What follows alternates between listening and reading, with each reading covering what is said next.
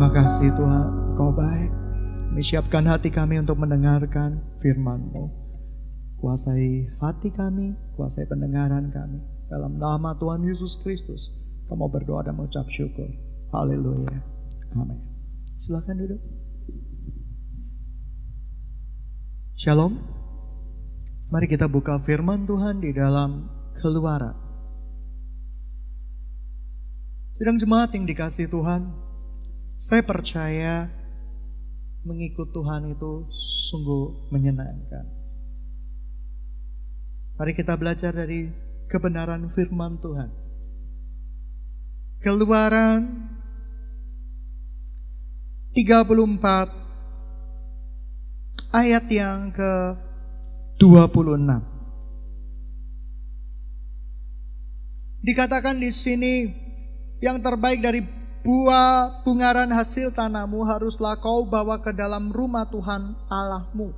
Janganlah engkau masak anak kambing dalam susu induknya. Ketika Anda mendengarkan ayat janganlah engkau memasak anak kambing atau domba dalam susu induknya. Ini ayat ini bicara tentang apa sih? Jawabannya simpel. Jangan kamu berlaku ke kejam. Janganlah kamu berlaku ke keji. Tapi lain dengan orang-orang Israel. Hal yang mudah dibuat menjadi rumit sampai sekarang. Ada pengajar-pengajar di sana dalam tulisan-tulisan di majalah mengatakan tidak boleh memasak daging dengan mentega. Jadi restoran-restoran di sana menghindari memasak daging dengan mentega dan mereka sangat ketakutan sekali. Bahkan di dapur rumah sakit ada uap susu bercampur dengan uap dari bakaran daging, mereka ketakutan sekali. Teman-teman, kadang kita membuat hati yang simpel menjadi rumit kita membawa banyak buku, orang-orang Yahudi itu sangat pandai sekali. Mungkin saking pandainya, mereka tidak bisa melihat bahwa Kristus atau Mesias itu sudah datang. Dan lebih bodohnya lagi, anak-anak Tuhan banyak yang mempercayai ajaran-ajaran orang Yahudi masa kini sebagai sebuah kebenaran. Mereka mempelajari buku-buku untuk mendukung kebenaran Alkitab. Alkitab ini sudah ditulis dan Alkitab ini sudah sempurna. Alkitab tidak perlu menyempurnakan dirinya karena Alkitab sudah sempurna. Tapi firman yang ada di dalamnya adalah firman yang hidup yang akan menguatkan kita terus-menerus dari hari ke hari. Mari kita buka firman Tuhan di dalam Lukas 14 ayat 25. Lukas 14 ayat 25 saya bacakan. Pada satu kali banyak orang berduyun-duyun mengikut Yesus. Dalam perjalanannya sambil berpaling ia berkata kepada mereka, Jikalau seorang datang kepadaku dan ia tidak membenci bapaknya, ibunya, istrinya, anak-anaknya, saudara-saudaranya laki-laki atau perempuan, bahkan nyawanya sendiri, ia tidak dapat menjadi muridku. Barang siapa tidak memikul salibnya dan mengikut aku, ia tidak dapat menjadi muridku. Sebab siapakah di antara kamu yang mau mendirikan sebuah menara yang tidak duduk dahulu, membuat anggaran biayanya, kalau-kalau cukup uang untuk menyelesaikan pekerjaan itu, supaya jikalau ia sudah menyelesaikan meletakkan dasarnya dan tidak dapat menyelesaikannya, jangan-jangan semua orang yang melihatnya mengecek dia. Sambil berkata orang itu mulai menyelesaikan tetapi ia tidak sanggup menyelesaikannya. Atau raja manakah yang kalau mau berperang melawan raja lain tidak duduk dahulu, mempertimbangkan dengan apakah 10 ribu orang ia sanggup menghadapi lawan yang mendatanginya dengan 20 ribu orang. Jikalau tidak, ia akan mengirim utusan selama musuh itu masih jauh untuk menanyakan syarat-syarat perdamaian. Demikian pula lah tiap-tiap orang di antara kamu yang tidak melepaskan dirinya dari segala miliknya tidak dapat menjadi muridku. Garam memang baik, tetapi jika garam itu menjadi tawar, dengan apakah ia diasinkan? Tidak ada lagi gunanya, baik untuk ladang, untuk maupun untuk pupuk, dan orang membuangnya saja. Siapa yang mempunyai telinga untuk mendengar, hendaklah ia mendengar. Alkitab berbicara, sangkalilah dirimu. Kamu akan menjadi murid Kristus. Pikulah salibmu, kamu akan menjadi murid Kristus. Alkitab berkata, jangan mengikuti keinginan matamu, jangan mengikuti kecondongan hatimu. Tetapi nabi-nabi palsu berkata, Tuhan akan mengabulkan apa yang menjadi kerinduan hatimu, keinginan hatimu, walaupun keinginan hatimu bertentangan dengan firman Tuhan. Engkau ingin kaya, silakan. Tuhan akan mengabulkan. Engkau ingin mobil mewah, Tuhan akan mengabulkan. Nabi-nabi palsu mengambil kuplikan dari Alkitab, cuplikan dari Alkitab untuk membenarkan apa yang dia mau. Nabi-nabi palsu menekankan segala sesuatu ayat secara berlebih-lebihan, sedangkan firman Tuhan ini adalah firman Tuhan yang hidup. Artinya, saya percaya kita harus melihat begitu banyak konteks-konteksnya. Oleh karena itu tidak heran muncul banyak anak-anak Tuhan yang sekarang selfish, mementingkan diri sendiri. Apa yang dia pikir baik, pasti Tuhan akan dukung. Apa yang dia pikir benar, pasti Tuhan akan dukung. Tetapi kerajaan Tuhan tidak berbicara demikian. Firman Tuhan berkata bahwa jikalau engkau tidak menyangkal dirimu, maka engkau tidak dapat menjadi murid Kristus. Barang siapa tidak memikul salibnya, ia tidak dapat menjadi muridku. Barang siapa tidak membenci dalam tanda kutip, membenci ayahnya, ibunya, anak-anaknya, ia tidak dapat mengikut aku. Segala sesuatu harus diserahkan untuk mengikut Tuhan. Teman-teman yang dikasih Tuhan, sidang jemaat yang dikasih Tuhan. Dosa apa yang paling utama? Yang paling pertama. Dosa Adam dan Hawa. Apa sih dosa dan Adam dan Hawa itu? Ketika saya baca dosa Adam dan Hawa itu sekolah minggu berkata gara-gara kasih buah. Enggak. Dosa yang paling pertama kali adalah dosa keingintahuan. Pengen tahu. Bahasa kerennya sekarang keposin. Ketika ada Android temanmu di sebelahmu dan tidak di password dan tidak dikunci, siapa yang tergoda untuk membaca isinya angkat tangan? Itu dosa warisan. Dihack, ditulisin, lalu kepo-kepo, kira-kira dia WA sama siapa ya, lainan sama siapa ya. Itu dosa paling kuno. Tapi masih sayang sekali DNA Adam dan Hawa kita miliki. Dosa ini menimbulkan begitu banyak kerusakan.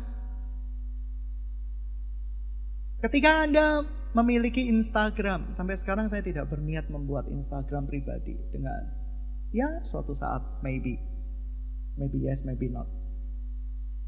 Tapi begitu banyak orang ngepoin temennya dari Instagram. Dilihat, ih, happy married, foto berdua, klik selfie berdua, makan bakso di foto, bahagia. Anda tidak tahu behind the skinnya. Besoknya istrinya korban pembunuhan dari suaminya.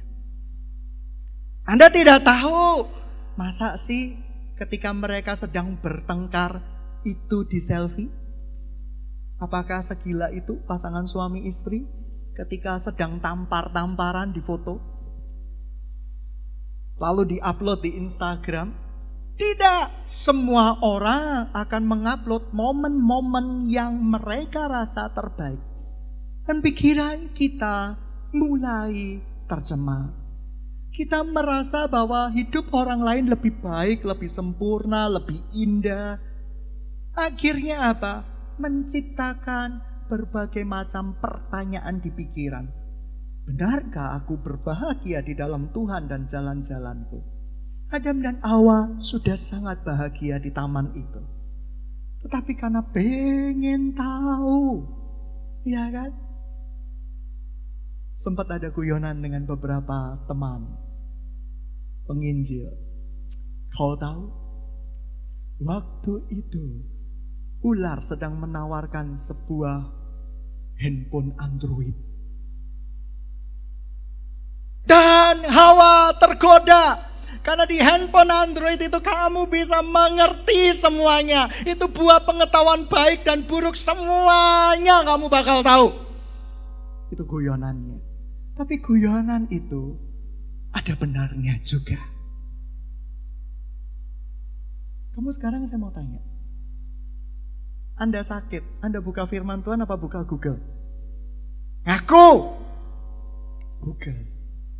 Demam tinggi. 30 derajat Celcius. Artinya apa? Mungkin gejala demam berdarah, gejala tipes, atau gejala kamu mengalami peradangan akut. Ketika Anda punya masalah, anda cari firman Tuhan atau cari Google?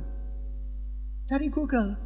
Cara-cara melepaskan diri dari apa? Dari keuangan. Masalah keuangan. Cari Google. Cari seminar. Anda tidak cari firman Tuhan. Sedang jemaat yang dikasih Tuhan. Dosa itu kita miliki semua termasuk saya. Orang kalau sedang kesepian, cari teman atau cari Tuhan?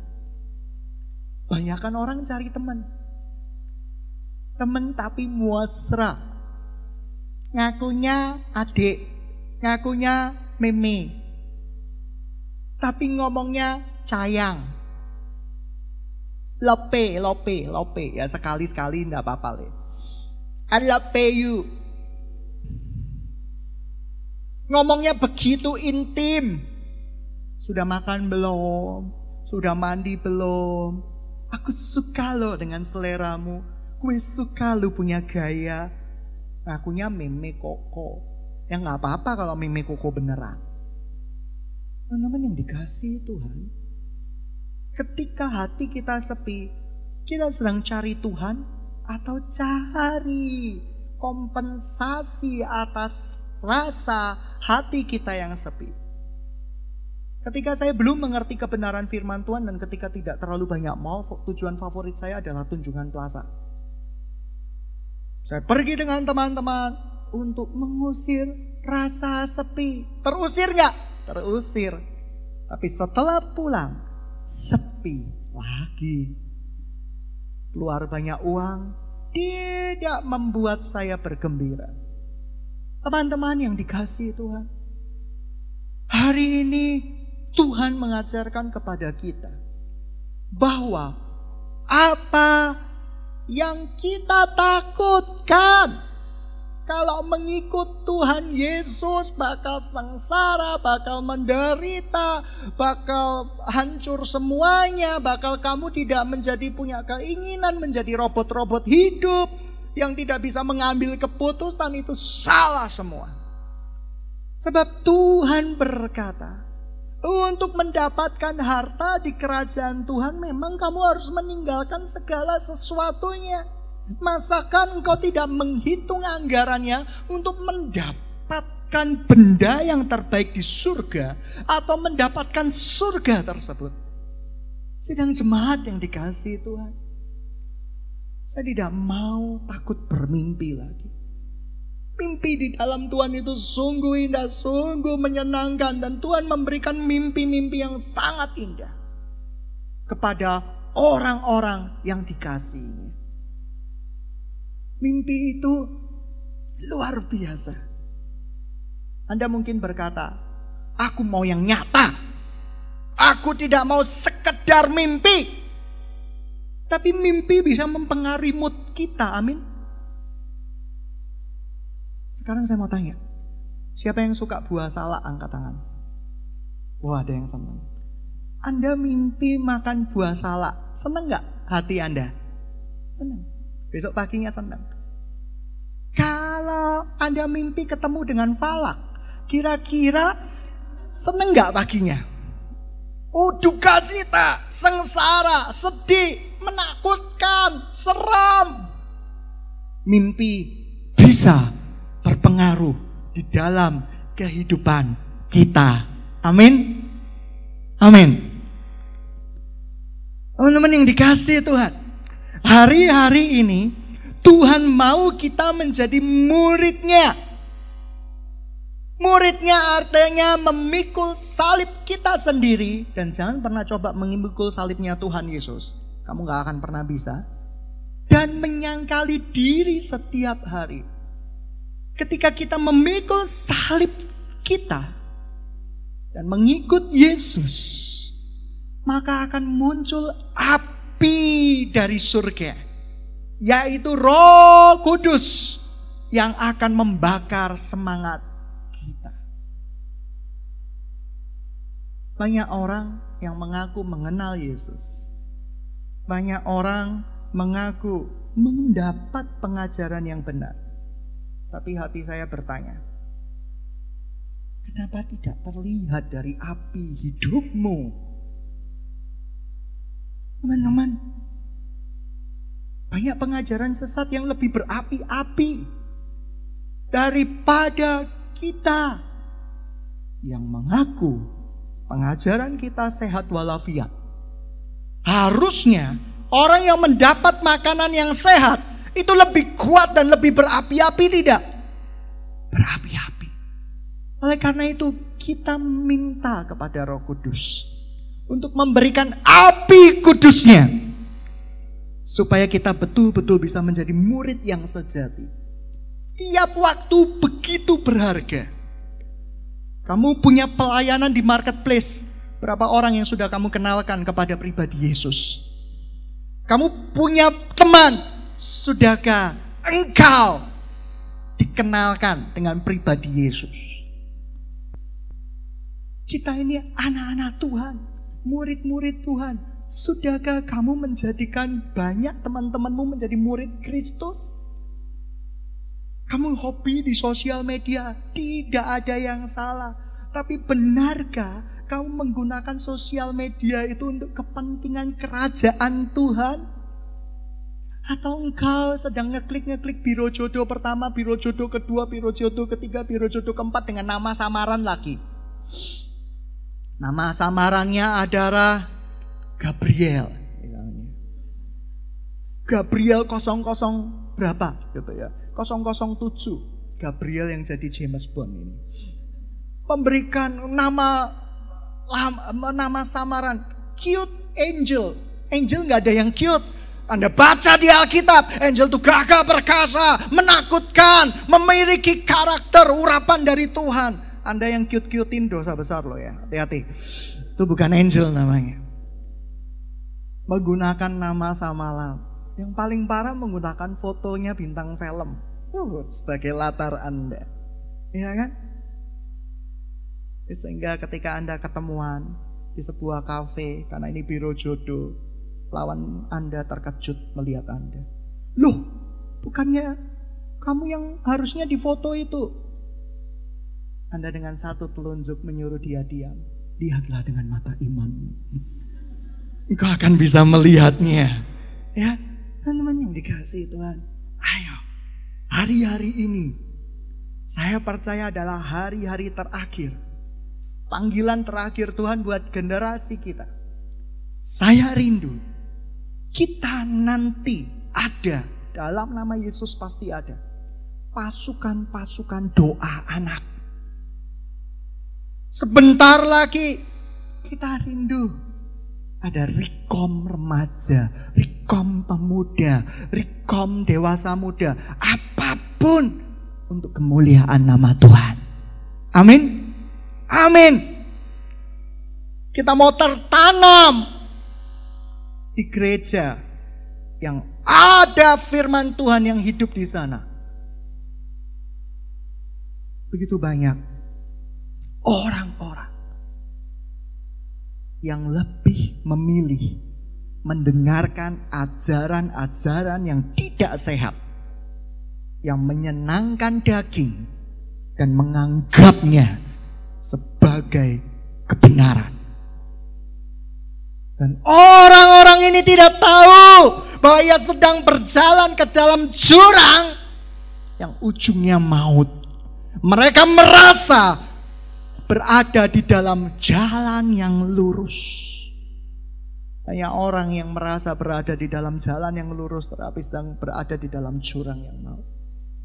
Oleh karena itu, mari kita belajar kebenaran firman Tuhan yang sebenar-benarnya seadil-adilnya. Sehingga firman itu bisa menjadi firman yang hidup di dalam hati kita masing-masing. Kalau zaman dahulu, pendeta-pendeta tua, suatu saat kita akan menjadi tua. Jangan pakai rok mini. Kita marah. Kita keluar ajaran-ajaran sekarang. Pakai rok mini nggak apa-apa. Yang penting datang ke gereja. Teman-teman, ajaran moral sudah mulai berkurang di gereja Tuhan. Komnas HAM, nanti dibawa ke Komnas HAM. Kenapa? Kita nggak boleh pakai rok mini. Hak-hak saya, suka-suka gue. Oleh karena itu, di akhir zaman Kasih kebanyakan orang akan menjadi hilang. Artinya apa? Kasih kepada Tuhan akan menjadi begitu luntur dan begitu hilang. Tetapi saya percaya Tuhan masih menyiapkan sebuah generasi yang akan bersinar terang dan menjadi berkat di mana pun mereka berada. Generasi yang tidak telinga merah, mudah marah, mudah tersinggung, mudah kecewa. Tapi generasi yang takut akan Tuhan. Satu kali saya berkata, Tuhan kenapa saya harus pikul salib saya terus? Saya juga ingin bahagia. Tapi roh kudus yang ada di dalam diri saya tidak bisa saya pungkiri bahwa saya jauh lebih bahagia ketika saya memberikan hidup saya untuk Tuhan. Anak saya yang pertama, Keisha protes. Papa. Tapi ngomongnya sama ibunya. Nggak berani protes langsung sama saya. Kasiannya aku, teman-temanku tahu Candi Borobudur, tahu Bali. Saya tidak pernah berpergian. Uh, lalu kepengen ke mana, Ke? Ternyata dia nggak kepingin ke Borobudur, ke Bali, nggak pengen. Pengennya ke mana? Aku kepingin ke Paris, Singapura, Amsterdam. Saya pucat sudah langsung gitu ya, seperti itu.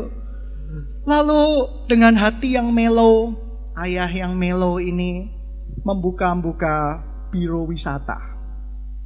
Perjalanan ke Paris, Amsterdam, dan yang lain-lain satu orang kurang lebih butuh 30 juta lima orang kurang lebih 150 juta itu seminggu. Saya berkata ya udahlah seumur hidup sekali tidak apa-apa wis, tidak apa-apa, apa-apa. Saya belajar menikmatinya, tapi tidak apa-apanya ini tidak damai. Ketika saya bawa di dalam doa, saya telungkup di dalam doa, mulai muncul wajah guru-guru, mulai muncul wajah jemaat, gitu ya, mulai muncul wajah-wajah yang lucu. Mereka nggak wajahnya bukan wajah sengsara, wajahnya wajah bahagia.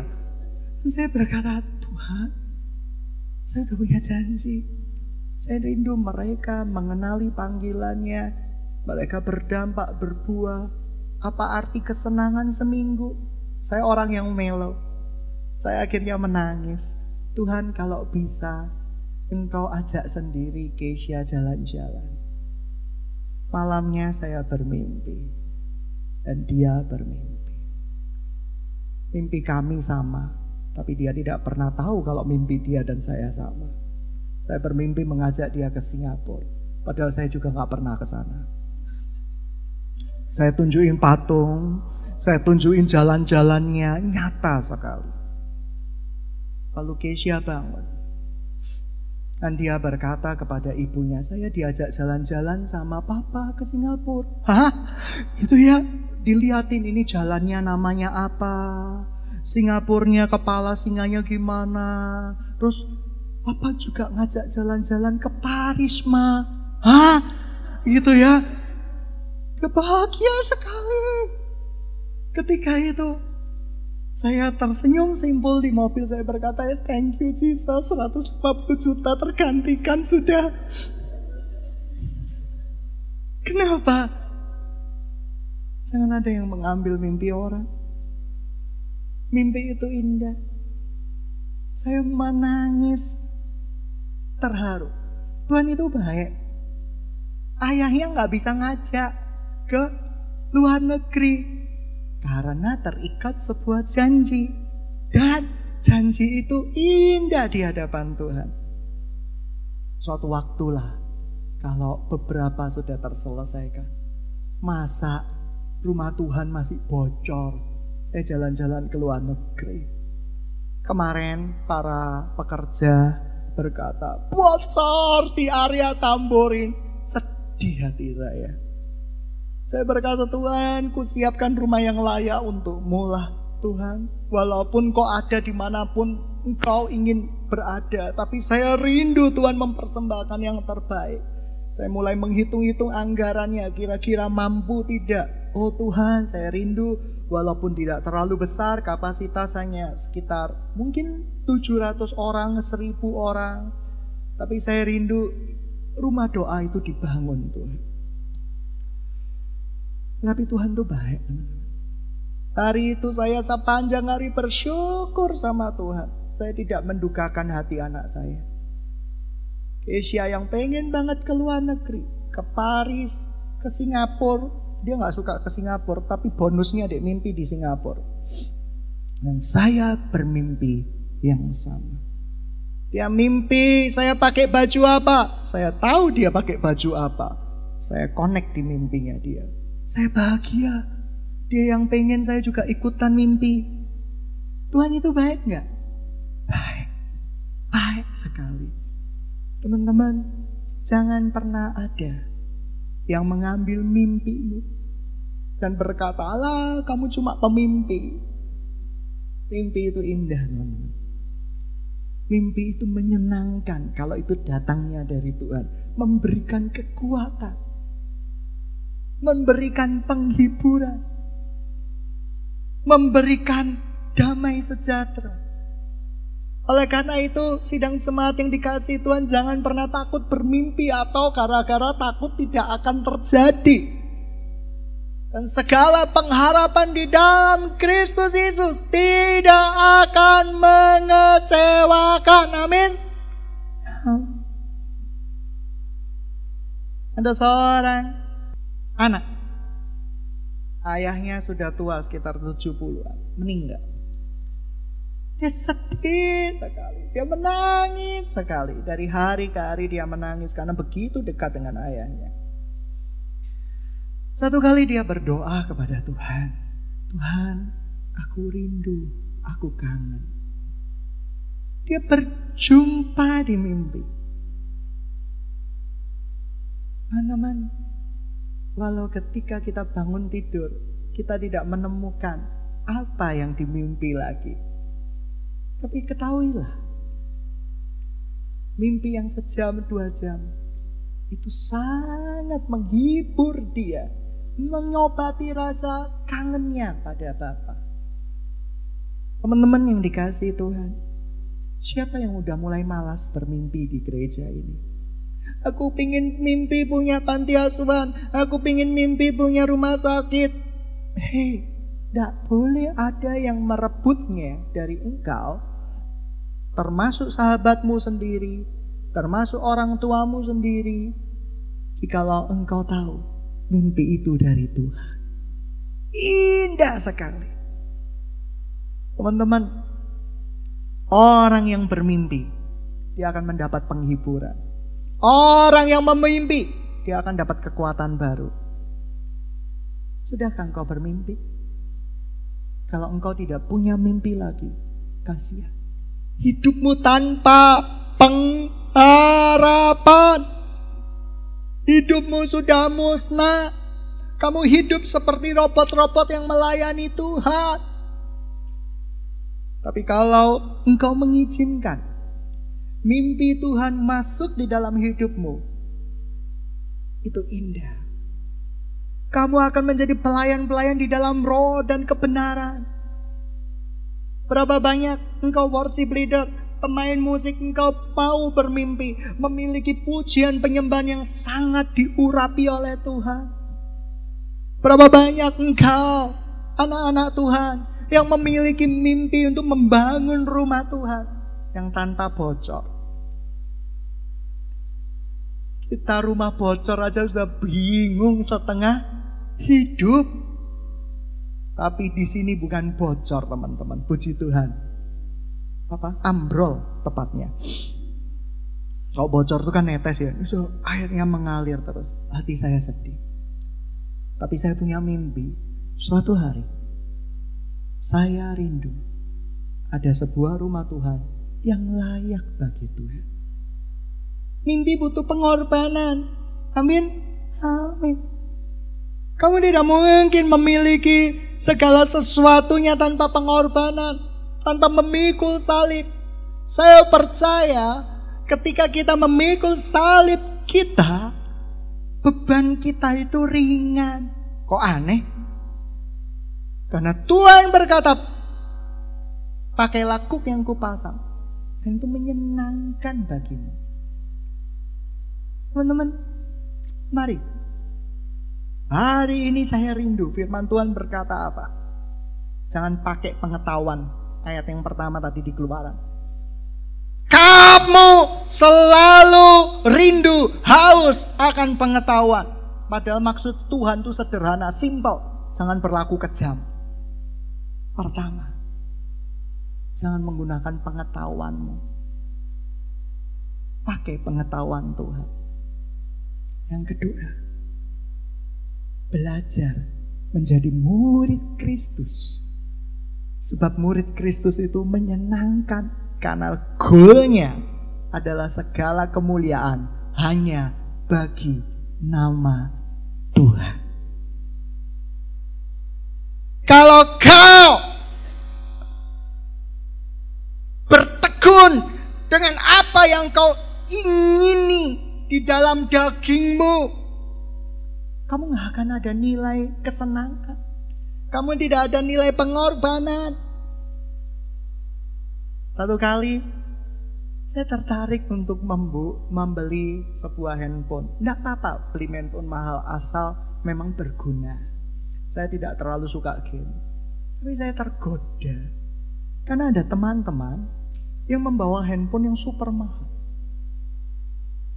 Padahal saya ini suka meninggalkan handphone di mana pun saya berada. Saya rindu tablet yang besar, dengan bayangan saya, saya bisa melihat gambar-gambar rumah di sana, desain-desain. Saya bisa membuat memo-memo. Sorry, saya orangnya jadul. Saya memonya di kertas, tidak pernah memo di handphone. Dan itu tabiat yang sudah bertahun-tahun dan tidak mungkin saya gantikan. Sering kali saya membuat memo hilang sendiri, filenya lupa, taruh di mana. Saya merasa Tuhan, bisa kok membeli handphone sebegitu besarnya. Bisa kok membeli handphone dengan semahal itu. Kan supaya kelihatannya keren. Kalau saya keren, nanti mereka bertanya, siapa Allahmu yang keren itu? Ih, gitu ya, permainan pikiran. Dan akhirnya, saya pergi sendiri. Berputar-putar pergumulan, konflik batin dan tidak nyaman sekali. Akhirnya saya putuskan dari handphone yang sudah ke arah 10 juta. Saya membeli handphone yang 10 persennya. Yaitu satu jutaan. Karena saya merasa tidak ada gunanya bagi saya. Dan ketika saya melakukan itu, pulang, saya bersuka cita sekali, saya senang sekali karena saya sedang melakukan apa yang baik di mata Tuhan. Bagaimana dengan Anda? Apakah Anda harus memiliki yang memang Anda pingini dari dulu? Firman Tuhan berkata, sangkal diri. Anda tidak bisa menyangkal. Salibkan dirimu. Anda tidak bisa. Keinginan itu masih ada, cuma tertunda. Kayak gini loh teman-teman. Anda-anda yang punya dosa seksual hati-hati. Tinggal tunggu waktu kalau belum dibereskan sama Tuhan. Anda tidak pernah berusaha membunuh dosa itu, tetapi Anda memeliharanya sampai pada waktu yang tepat dalam tanda kutip. Sikonnya tepat, kondisinya tepat, hati-hati. Semuanya nggak bebas, termasuk saya. Teman-teman yang dikasih Tuhan. Kalau kita mau menyangkal diri kita, memikul salib yang Tuhan sediakan buat kita, itu damai sejahtera yang melampaui segala akal itu akan menyertai kita anda bisa mengerti Rasul Paulus berkata, dulu yang semuanya kuanggap adalah keuntungan, sekarang saya anggap sampah. Karena itu tidak berguna lagi. Gereja ini harus menjadi gereja yang hidup. Gereja yang dinamis artinya mengikuti dinamikanya Tuhan. Gereja yang senantiasa membawa kematian Kristus setiap hari di dalam hidup kita sampai nanti Tuhan jemput kita. Saya tidak peduli, tidak laku ajaran tentang salib. Kalau emas laku. Tetapi salib yang lambang kehinaan bagi bumi ini adalah lambang kekekalan bagi kita semua. Sedang jemaat yang dikasih Tuhan. Belajar jadi murid Kristus. Pikul salib. Pikul salib dan serahkan semua keinginan hatimu untuk dikelola sama Tuhan. Maka Tuhan akan memberikan kemerdekaan pikiran di dalam engkau. Banyak orang yang memiliki zona peperangan, zona keuangan. Gagal terus di keuangan. Saya dulu zona yang selalu gagal di keuangan. Puji Tuhan, perlahan tapi pasti Tuhan merdeka. Ada yang orang yang gagal di zona seksual, Belajar, serahkan sama Tuhan, suatu saat engkau akan dimenangkan. Ada orang yang pergumulannya adalah sona kebohongan. Minta Tuhan bentuk. Minta Tuhan bentuk. Minta Tuhan disiplin engkau. Dan itu butuh interaksi dua belah pihak. Teman-teman yang dikasih Tuhan. Saya rindu kami menjadi bejana untuk mengisi kerinduan Tuhan buat dunia yang akan berakhir ini. Saya mau menanamkan nilai-nilai yang benar sesuai dengan kebenaran firman Tuhan kepada anak cucu rohani kita supaya ketika kita sudah tidak ada berita tentang salib Kristus tetap diberitakan dari generasi ke generasi. Saya khawatir salib tidak akan ada harganya lagi suatu saat. Karena pengajaran-pengajaran yang tidak bertanggung jawab, yang menyenangkan telinga, yang menghibur daging, tetapi tidak mengoyak-ngoyakkan roh, tidak mengoyakkan jiwa manusia supaya keluar pribadi yang menyenangkan hati Tuhan. Hari-hari terakhir banyak nabi-nabi palsu. Tapi sering kali kita tidak menyadari kepalsuan tersebut. Mari, sidang jemaat yang dikasih Tuhan. Hari ini, siapa yang mau memiliki mimpi dipakai Tuhan? Angkat tangan. Serius nih, gak ada jebakan. Habis Pak Pendeta sering kali jebak-jebak orang. Tidak, kali ini saya janji tidak ada jebakan. Siapa yang mau memiliki mimpi dipakai oleh Tuhan angkat tangan. Serius? Pemain musik maju ke depan. Saya rindu dipakai Tuhan. Saya rindu seisi rumah saya dipakai oleh Tuhan. Saya rindu anak-anak Anda dipakai Tuhan. Saya rindu keluarga Anda dipakai Tuhan. Syaratnya satu. Menyangkal diri. Menyangkal diri. Jangan pakai pengetahuanmu. Pakai pengetahuan Tuhan.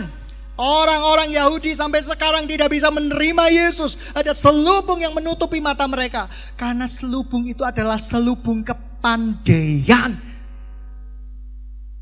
Mereka menganalisa segala sesuatu.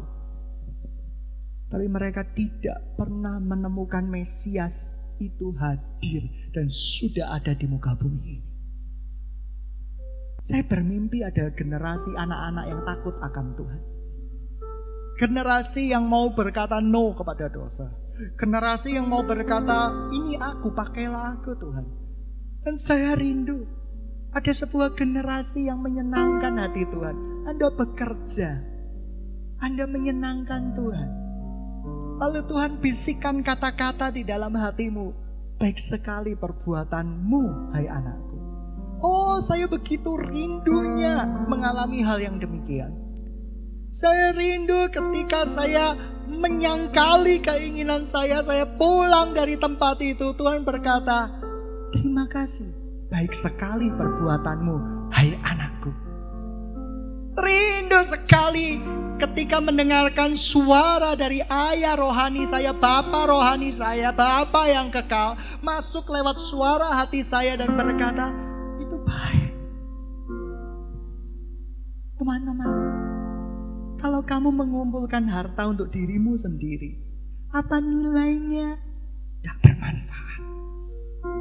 Tapi kalau kita mengumpulkan harta, yang sebenarnya itu bukan harta kita, kita lakukan untuk kemuliaan nama Tuhan. Betapa besarnya upah yang akan menanti buat kita di kerajaan sorga. Oleh karena itu, ada yang menangis ketika mengajari anak-anak.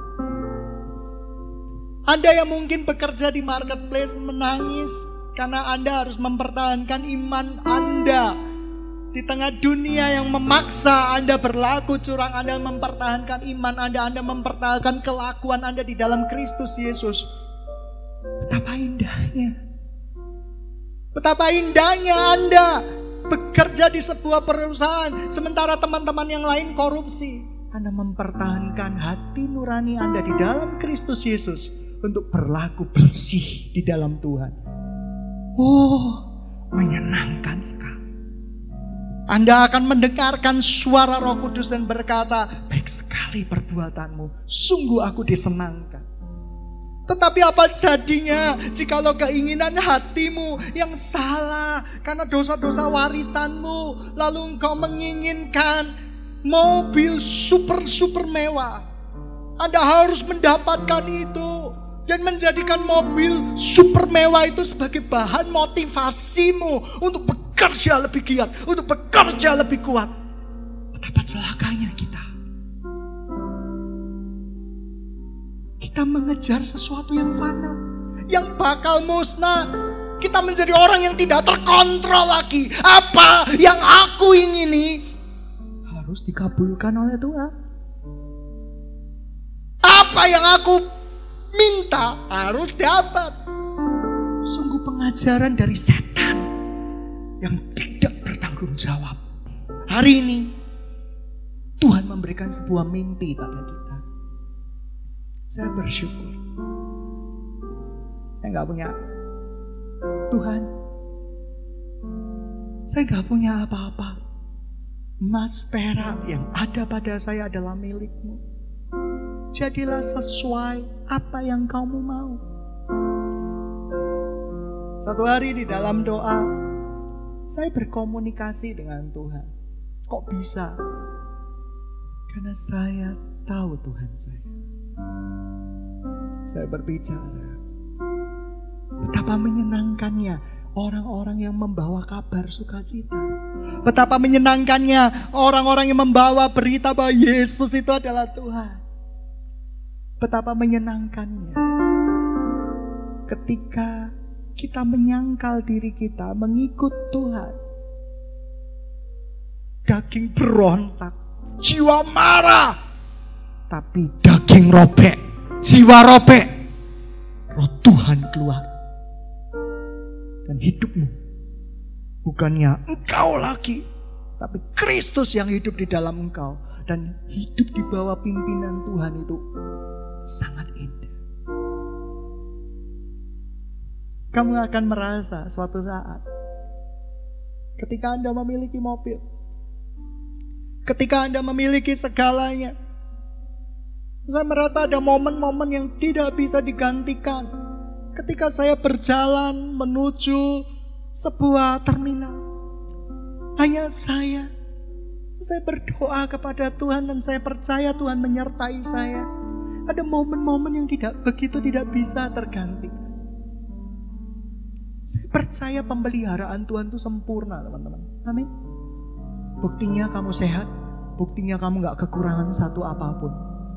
Tapi mari, minta kepada Tuhan. Tuhan hari ini, aku punya mimpi, kau gantikan dengan mimpimu. Aku tidak mau Tuhan mimpi keserakahanku mempengaruhi hidupku. Dan berakibat aku tidak bisa memberikan yang terbaik untuk kemuliaan namamu. Saya berdoa saya menantang kemustahilan. Karena bagi saya, Yesus itu adalah Tuhan yang paling tidak mustahil. Kami akan buka production house dalam nama Yesus. Saya nggak punya pengetahuan apa-apa.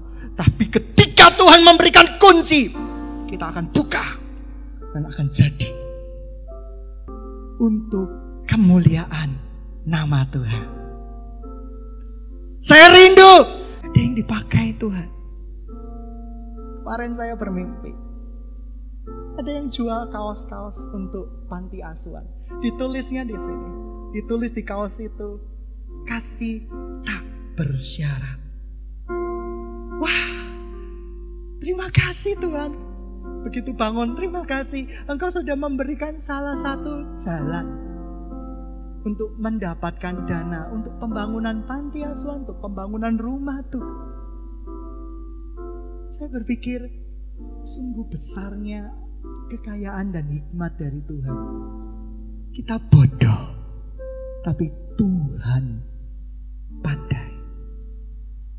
Sedang jemaat, sungguh mau dipakai Tuhan? Yang mau dipakai Tuhan berdiri sama-sama. Yuk kita berdiri sama-sama. Yang mau dipakai Tuhan, kita angkat tangan sama-sama. Taruh tangan kirimu di dadamu dan berkata, Yesus, hidupku bukannya aku lagi, melainkan Engkau yang hidup di dalam aku. Dan sungguh Tuhan, sungguh selagi aku hidup, selemasa aku hidup, aku mau Tuhan memandang salibmu Salib yang begitu indah, salib yang begitu mulia, salib yang begitu diagung-agungkan. Karena tanpa salib itu, aku tidak bisa memperoleh hidup yang kekal.